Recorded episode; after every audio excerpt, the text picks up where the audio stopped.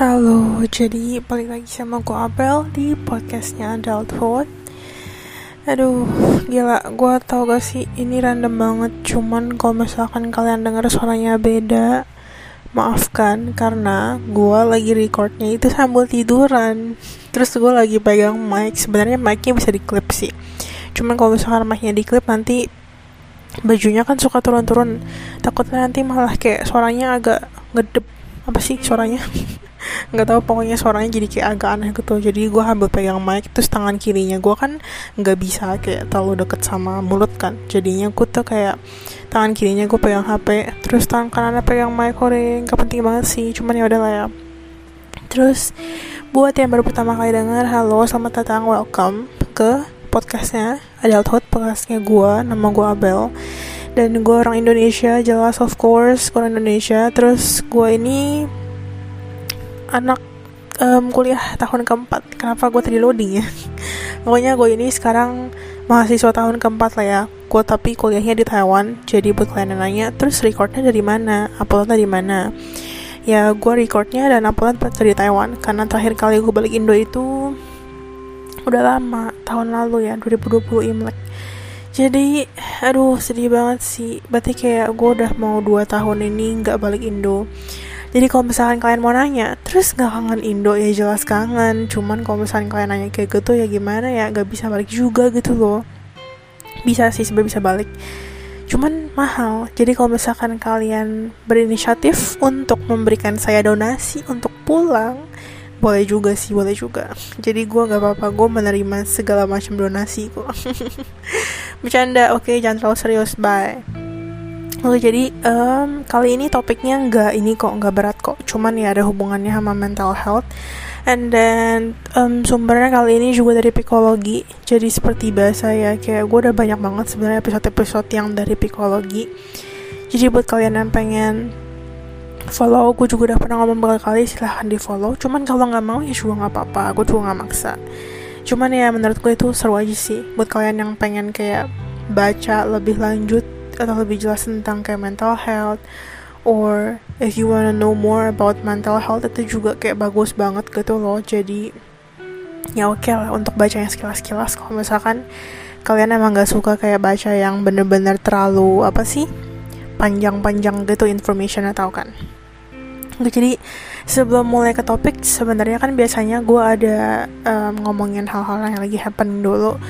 Cuman ya sebenarnya saat ini lagi nggak ada yang baru karena buat yang tahu dengerin episode gue selanjutnya ya ya udah. Kayak maksudnya gue juga lagi nggak kerja karena tangan gue kan baru habis kecelakaan. Jadi ya keseharian gue cuman kuliah dan ya nonton tiduran pergi keluar makan gitu, gitu doang. Jadi ya ya udahlah ya. Oke jadi karena udah tiga menitan karena nanti gue takutnya kebawelan jadi kita langsung masuk aja yuk ke topik yuk untuk yang nanya topik hari ini apa, topik hari ini gue pengen bahas tentang trust issue. Ini dari psikologi. Jadi, um, tapi disclaimer dulu ya. Um, topik yang trust issue ini ya seperti kayak topik-topik sebelum-sebelumnya di episode gue juga. Ini tuh gue ngomong berdasarkan opini gue sendiri loh ya. Dan kayak berdasarkan kayak mungkin experience gue atau mungkin cerita-cerita temen gue jadi kayak perpaduan antara opini gue pendapat gue apa pun itu yang ingin kalian ngomongin sugesti kah apakah apa pun itulah ya. Dan teman-teman gue jadi kalau misalkan teman gue pernah ngomong terus kayak menurut dia gini-gini ya mungkin bisa juga gue masukin atau mungkin contoh-contohnya dari kayak experience ya teman gue jadi ini hanya sebatas kayak ya udah pendapat gue aja. Karena kan namanya juga masing-masing pengalaman orang kan beda-beda. Dan ya jadi kayak kalau misalkan punya kayak um, pendapat yang berbeda tentang kayak topik ini atau topik apa pun itu yang ada di podcast gue jangan pernah merasa kalau kalian tuh salah ataupun gue bener ataupun gue yang salah ataupun kalian yang bener oke okay? karena yang namanya pendapat itu nggak ada yang salah oke okay? itu disclaimer aja jadi kayak maksudnya jangan jadikan podcast gue ini sebagai patokan bahwa kayak wow si Abel ini tuh the best nih kayak maksudnya yang paling ngerti gitu enggak karena kan ini gue juga baca dari sumber dan ya pendapat orang-orang ya bisa beda-beda kadang misalkan menurut gue A itu A kadang bisa aja menurut orang itu A itu B nah gitu oke okay? Nggak jadi mari kita mulai aja yuk. Jadi si posanan psikologi ini yang pertama dia kayak bilang akibat pengalaman pahit di masa lalu aku selalu percaya bahwa seseorang cepat atau lambat pasti akan mengkhianati dan mengecewakanku lagi. Terus di posan dia yang kedua trust issue. Salah satu bentuk mekanisme pertahanan diri seseorang untuk menghindari resiko akan kekecewaan. Terus dia kayak bilang, perasaan ketidak perasaan ketidakpercayaan ini muncul akibat pengalaman masa lalu seseorang yang di yang dikhianati atau dibohongi sehingga punya ketakutan akan mengalami kekecewaan yang sama di masa mendatang. Jadi simpelnya itu ya.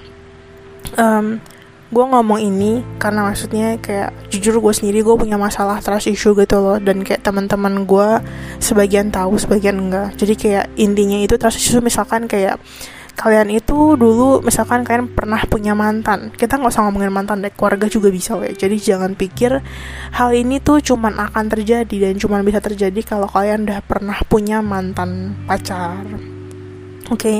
karena ini bisa jadi entah kayak orang tua kalian juga bisa, kayak um, tapi kita ngomongin aja kayak lebih ke pasangan lah ya. Contoh paling gampang kan dulu punya mantan, mau mantan pertama kayak mantan kedua, cuman ya biasanya biasanya itu mantan pertama yang paling di apa ya, paling merasa tersakiti kali ya. Karena kayak mantan pertama yang namanya juga kayak first love lah, itu kayak first timer pacaran lah, jadi kayak benar-benar semuanya segala sesuatu itu pertama kalinya kan. Jadi biasanya itu mantan yang pertama itu lebih memorable deh ngomong apa gue memorable. Gue tadi ngomong apa sih? Ya ampun maaf banget. Gue jadi contoh paling gampang. Kalian punya mantan pertama nih. Yang mantan pacar pertama kalian contohnya contohnya. Bisa yang kedua bisa kan tiga gitu kan. Terus at some point kalian putus gitu kan. Putus gara-gara contoh paling gampang. Mereka itu selingkuh mau cewek atau cowok gue di sini gak akan kayak ngomong oh cowok yang pasti selalu selingkuh nggak karena ada aja cewek juga yang selingkuh. Jadi di sini gue cuma ngomongin mantan oke? Okay?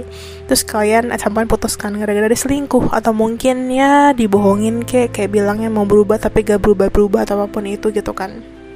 Contoh paling gampangnya aja. And then kayak ya udah kayak sampolin karena emang kalian diselingkuhin kalian merasa tuh kalau kalian tuh dibohongi dihianati pokoknya either lah ya Nah, mungkin gara-gara pengalaman tersebut kalian tuh jadi kayak merasa kalau kalian itu tuh apa sih? Jadi kayak nggak bisa percaya sama orang. Yang dia kayak bilang ini kayak perasaan ketidakpercayaan itu loh.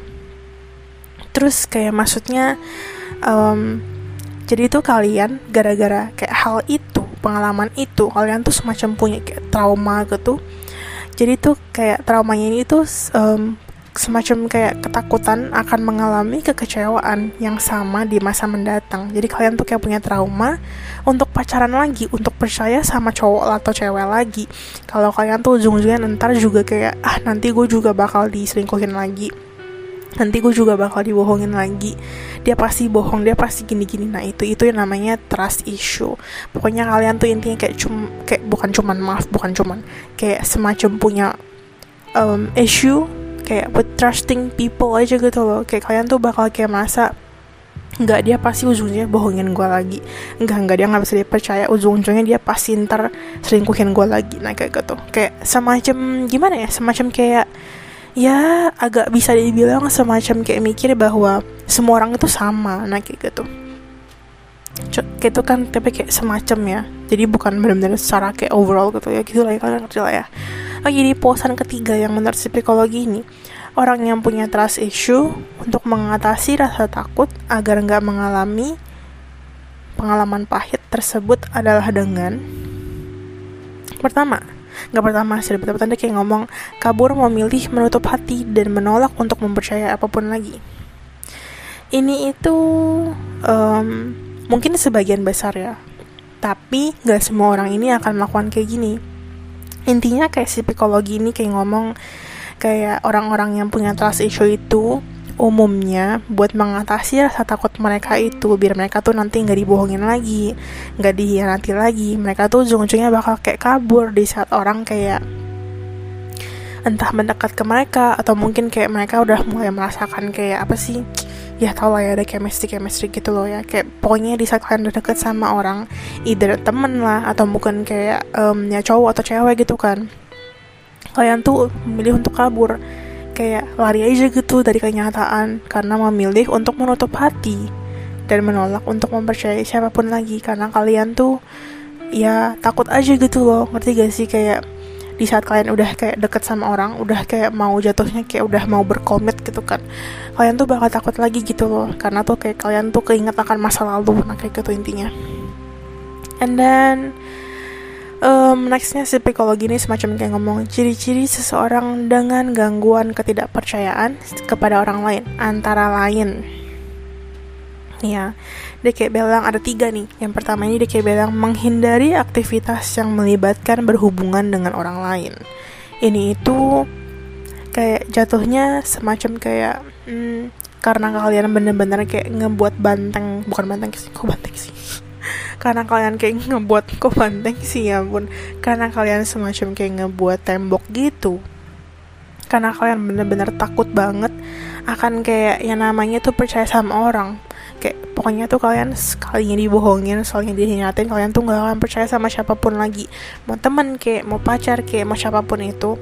Jadi kalian tuh kayak membuat tembok. Nah, gara-gara kalian membuat tembok ini, tembok ini tuh yang akhirnya tuh kayak menutupi kalian, kayak menghalangi kalian lebih tepatnya untuk kayak beraktivitas dan berkomunikasi sama orang-orang lain. Jadi kayak kalian tuh bener-bener menutup diri intinya, ngerti gak sih? Kayak menjauhkan diri dari segala macam yang namanya social gitu loh. Ya, socially apalah, ada apa sih? Gue jadi bingung gitu anjir bahasanya, oke nggak penting. Pokoknya intinya kayak kalian tuh jadi kayak menutup diri banget karena kalian tuh kayak udah mikir kalau misalkan nanti gue berinteraksi sama orang either kayak activity atau mungkin berhubungan apa pun itu sama orang kalian tuh jadi kayak udah keburu mikir nanti kalau misalkan gue berhubungan sama mereka nanti gue jadi deket terus nanti mereka bisa bohong lagi sama gue nggak ada yang bisa dipercaya nah kayak gitu loh. Terus yang kedua menurut psikologi ini menarik diri karena takut akan kritik merasa takut untuk dihakimi ditolak dan dihianati Nah ini, kalau ini tuh jadi semacam kayak um, dia bilang kayak ya lu itu nggak buat tembok, lu kayak menghalangi diri lu dengan dunia luar karena lu ya takut akan kritik atau mungkin kayak merasa takut biar kayak nanti maksudnya karena kalian nanti bakal kayak dihakimi lah, ditolak lah ataupun kayak dihianati lagi gitu loh. Jadi ya intinya kayak kalian itu nggak mau berinteraksi sama orang luar kayak nggak buat tembok dengan diri kalian sendiri itu kayak maksudnya dengan dunia luar itu. Kayak ya kalian tuh nanti jatuhnya kayak ya udah kayak nggak mau deket-deket karena takutnya nanti dia nanti lagi gini-gini. Pokoknya tuh intinya kayak kalian ya takut aja gitu dengan orang lain itu ciri-ciri keduanya gitu kan. Terus yang ketiga tidak menghadiri acara di mana mereka harus bertemu dengan orang yang belum dikenal karena takut ditolak. Ini jatuhnya mungkin kayak semacam takut gak diterima kali ya. Karena kalian kayak um, takutnya nanti um, pokoknya ya gak percaya aja sama mereka gitu loh you know kayak banyak banget di dunia ini yang kayak ngefake banget kayak depan-depannya bisa senyum tapi sekalinya nggak ada kita mereka bisa kayak ngomongin kita kayak gitu loh. Jadi tuh mungkin um, ciri-ciri salah satunya ini juga ini nih yang kayak bilang tadi. Ya mereka nggak mau pergi ke acara-acara yang super super kayak huge gitu, massive gitu karena mereka takut kayak ujung-ujungnya tuh nanti kayak ditolak kayak mereka berusaha membaur tapi kayak ya udah mereka tuh takut kayak ujung-ujungnya nanti kayak ternyata usaha membaur mereka ini juga nggak ada efeknya. Ujung-ujungnya cuman kayak nanti ditolak lah dihakimi lah dihianati lah. Pokoknya kayak gitu oke? Okay? habis itu posan psikologi yang kelima. Ya yang kelima. Dia kayak bilang gangguan ini jika tidak diatasi dapat membuat seseorang menjadi antisosial dan terisolasi dari dunia luar. Nah kalau ini itu seperti yang tadi gue udah ngomongin ciri-cirinya ini berarti kan intinya kayak si orang yang punya trust issue ini um, apa ya? Hmm, apa ya? Kayak semacam ngebuat tembok kan. Nah gara-gara dia takut akan dihakimi dihianati ditolak jadi itu kan kayak tadi ciri-cirinya kan jadi kayak mereka tuh nggak mau berhubungan dengan orang lain habis itu nggak mau ikut acara-acara yang benar-benar besar nggak yang orang-orangnya gak dikenal terus kayak mereka itu takut dihakimi gitu-gitu loh. Jadi ujung-ujungnya lama-lama kalau emang lu selalu kayak ya logikanya kayak gini deh. Lu kalau misalkan selalu sendirian terus. Karena lu takut keluar takut kayak you don't like to be outside gitu loh. Lu nggak suka berada di perkumpulan orang-orang gak suka di tempat rame. Ya lama-lama lu jadi mungkin temannya dikit. Or mungkin worstnya kalian sama sekali jadi nggak punya temen. Nah jadinya tuh kalian jadi bisa jadi antisosial gitu loh. Kayak bener-bener kayak kayak ya nggak punya temen. Habis itu kayak bener-bener gak ada orang yang bisa diajak ngobrol selainnya of course your parents or your family gitu loh. Terus karena hal itu jadi kalian kan kayak mungkin jadi kurang tahu tentang dunia luar. Ya mungkin sih kalian bisa baca berita atau mungkin kayak anything news gitu loh yang ada di news yang kayak baru baru punya gitu loh. Tapi kan kayak beda gitu loh. Kayak ilmu-ilmu yang bisa kalian dapatkan dengan sesama manusia atau mungkin kayak kalian dengan kalian berinteraksi dengan orang luar dengan apa yang kalian bisa dapetin di berita itu tuh nggak semuanya tuh sama. Dan kayak maksudnya ya maksud gue tuh bukan kayak gue ngomong yang ada di berita itu bohong ya kan? Tapi kayak maksud gue ya berita yang kalian dapetin tuh beda. Misalkan di berita ini tentang kayak lebih kayak ke fakta-fakta. Tapi kalau misalkan kayak di yang um, karena kalian berinteraksi dengan orang luar itu tuh lebih kayak berita-berita yang kayak kalian dapetin kalau emang kayak apa sih udah dilakukan. Habis itu kayak macam-macam kayak oh iya bisa juga gini-gini gitu loh. Jadi nggak cuman based on something yang kayak benar-benar fact gitu loh yang emang tertulis di Google gitu loh ngerti gak sih? Oke, okay, habis itu posan si psikologi yang keenam, TK bilang, dan dampak terburuknya ketika orang memutuskan mengisolasi dirinya dari kehidupan sosial adalah ketika dalam keadaan terjepit sekalipun dan butuh bantuan orang, mereka cenderung tetap bertahan sebisa mungkin untuk mengandalak, mengandalkan aduh apa untuk mengandalkan dirinya sendiri karena nggak percaya lagi terhadap siapa pun yang dapat berujung pada stres, kecemasan berlebih, depresi, dan bunuh diri. Jadi, ya namanya juga orang, um, namanya juga orang kayak jadi antisosial. Kayak jadi dia tuh kayak nggak punya temen, nggak punya siapa pun untuk bisa diajak ngomong atau gimana gimana, nggak bisa nggak punya siapa pun yang bisa diajak minta tolong atau mungkin kayak diminta yang tolong dia cuma minta tolong apa sih? Jadi tuh kayak dia benar-benar everything on their own gitu loh kayak lu makan sendirian habis itu keluar belanja sendirian habis itu kayak ngelakuin apa pun juga sendirian nah ujung-ujungnya at some point si psikologi ini semacam kayak ngomong misalkan kayak satu titik di mana kalian tuh benar-benar kesusahan misalkan kalian contoh paling gampang apa ya kalian punya masalah. Masalahnya nggak harus masalah yang kayak mental ya anggap aja masalah kecil kayak biasa misalkan kalian ini um, let's say kalian kayak baru beli satu rak anggap di IKEA lah ya. Habis itu raknya ini harus kayak DIY sendiri do it yourself gitu kan.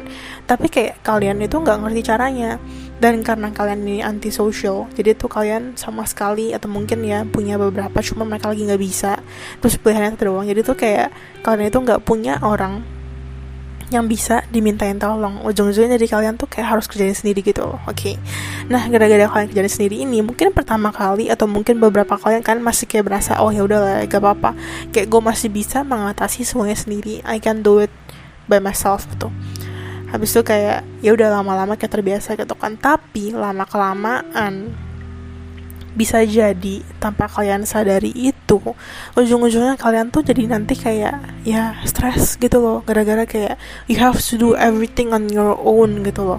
Kayak bener-bener ya stres aja. Tapi mungkin tanpa kalian sadari. Jadi mungkin terkesannya kayak ya gue nggak apa-apa sih kalau gue kerjain ini sendirian. Cuman bisa jadi sebenarnya mental dalam kalian ini kayak bener your mental health itu tanpa disadari sebenarnya tuh udah mulai kayak ya udah exhausted gitu loh. Kayak capek lah stress lah habis itu kayak anxiety disorder lah depression and of course eventually kayak suicidal thoughts kayak mulai bermunculan. Habis itu kayak ya udah karena kalian benar-benar merasa kayak I don't have anyone you know.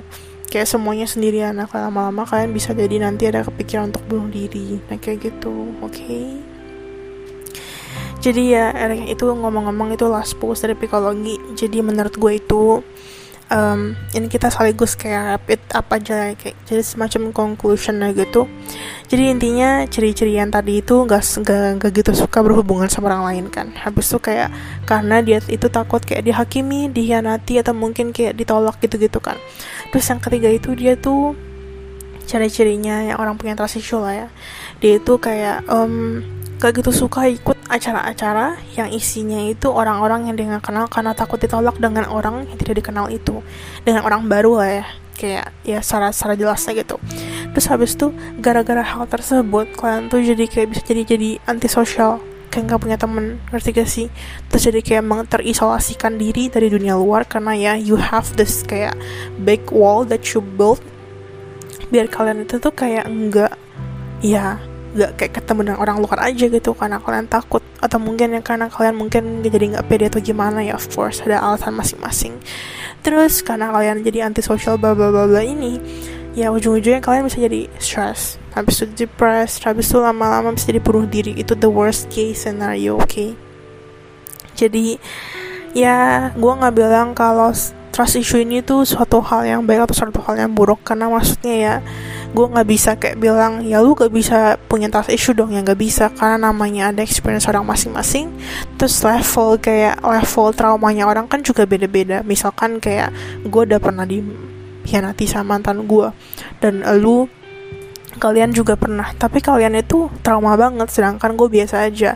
Nah jadi tuh kalian juga gak bisa ngejudge orang kayak ah cuman gitu doang. Ini tuh kata-kata yang kayak paling gak boleh kalian ucapkan gitu loh. Kayak maksudnya ya orang-orang kan cara berpikirnya beda habis itu perasaan mereka masing-masing juga beda. Jadi you can't actually kayak um, compare yourself to another person gitu loh meskipun kayak experience kalian sama karena masing-masing orang cara kayak apa sih cara kayak melewati hal-hal tersebut itu berbeda. Ada yang kayak biasa aja ada yang benar-benar depressed banget. Cuman yang namanya orang ya pokoknya harus hargain lah maksudnya kayak sesama manusia gitu loh. Terus yang namanya kayak trust issue itu ya intinya kayak sebenarnya susah sih. Jujur itu sebenarnya susah karena kayak untuk orang yang pernah trust issue dan gue juga gue salah gue juga salah satunya gitu. Sebenarnya susah sih kayak especially kalau misalkan kalian punya trust issue gara-gara kalian punya kayak trauma di hubungan sebelumnya itu susah banget sumpah. Kalau misalkan kalian pernah dengerin cerita-cerita gue tentang kayak cowok-cowok gitu sebenarnya kayak apa ya jadi kayak capek gitu loh di saat kalian benar-benar udah kayak yakin dianya malah kayak begitu. Tapi giliran kayak mereka sebenarnya kalian tulus karena kayak kalian takut ujung-ujungnya mereka ntar kayak awalnya doang tulusnya ntar lama-lama kayak kalian bakal disakitin lagi bakal dihianatin lagi. Ujung-ujungnya tuh kalian jadi takut. Terus kayak kalian malah kayak nge-push them away gitu loh kayak gitu. Jadi ya mungkin untuk orang-orang di luar sana kalian-kalian yang nggak punya trust issue kalian mungkin bakal bisa mikir kayak ah gitu doang apa ininya sih? Gue juga pernah ya jangan jangan pernah pikir kayak gitu karena itu supaya nggak boleh. Karena kayak maksudnya tadi udah bilang masing-masing orang itu cara menghadapi dengan masalah mereka itu beda-beda. Terus responsnya juga beda-beda. Jadi ya you can't really judge someone dari ya experience experience mereka gitu loh oke okay? oke okay. jadi ya intinya itu. Sebenarnya intinya sih karena ya maksudnya gue juga nggak bisa bilang kalau issue ini bla bla bla atau gimana gimana. Cuman nah sekarang kalian ngerti kan masalah si issue kayak gimana. Dan kalau misalkan kalian itu mempunyai um, salah satu ciri-ciri yang tadi gue sebutkan atau mungkin ya plus minus lah ya atau mungkin kayak ya udah kalian kalau misalkan kayak merasa kayak gue takut kayak nanti gue bakal gini-gini lagi dan kalian tuh jadi kayak menutup diri. Um, sebenarnya kalau untuk masalah mental health kayak gini-gini gitu ya menurut gue yang paling-paling efektif itu cerita deh sama orang gitu loh. Ya namanya trauma emang susah ya dan kalau gue yakin banget dan namanya trauma itu nggak mungkin cuman kayak kalian cerita terus traumanya hilang trauma itu kalian tuh harus kayak coba mem apa sih memperbaikinya sendiri. Itu selama-lama dia bakal hilang. Dan kalau untuk kalian yang punya trauma dengan kayak mantan kalian jangan kayak putus asa. Karena gue yakin banget di luar sana tuh pasti ada cowok yang cocok untuk kalian. Jadi kayak kalian belum aja mungkin ketemu cowok-cowok atau cewek-cewek yang perfect gitu loh ngerti gak sih untuk kalian. Jadi kayak jangan merasa bahwa having a trust issue ini ya itu suatu hal yang sungguh-sungguh buruk gitu loh oke okay? jadi ya pokoknya intinya percaya aja kalau di luar sana tuh banyak yang sayang sama kalian gitu oke okay? jangan pernah merasa sendiri biar kalian juga nggak kayak ya itu depressed of kayak kayak apa sih kok gue ngomong off sih ya ampun pokoknya kalian jangan sampai kayak merasa depressed habis itu jangan pernah merasa juga kalau kalian tuh tuh benar-benar semua sendirian oke okay? dah kayaknya itu dulu buat episode gue kali ini jadi ya udah lah ya 24 menit oke okay lah ya. Tadinya gue kayaknya bakal lebih cepet deh cuman kayak tadi gue gue conclusion kan terus kayak gue kebanyakan ngomong. Ya udahlah ya gue jadi itu dulu buat podcast buat episode kali ini. Habis itu um, thank you yang udah mau dengerin. Habis itu makasih banyak juga buat orang-orang yang udah kayak apa sih support gue dan ya suka dengerin podcast gue meskipun kadang isi podcast gue ini gak seru atau mungkin kayak apaan gitu sih. Ya udahlah ya um, terakhir udah sih itu doang. Bye bye kita ketemu lagi di episode selanjutnya. Bye bye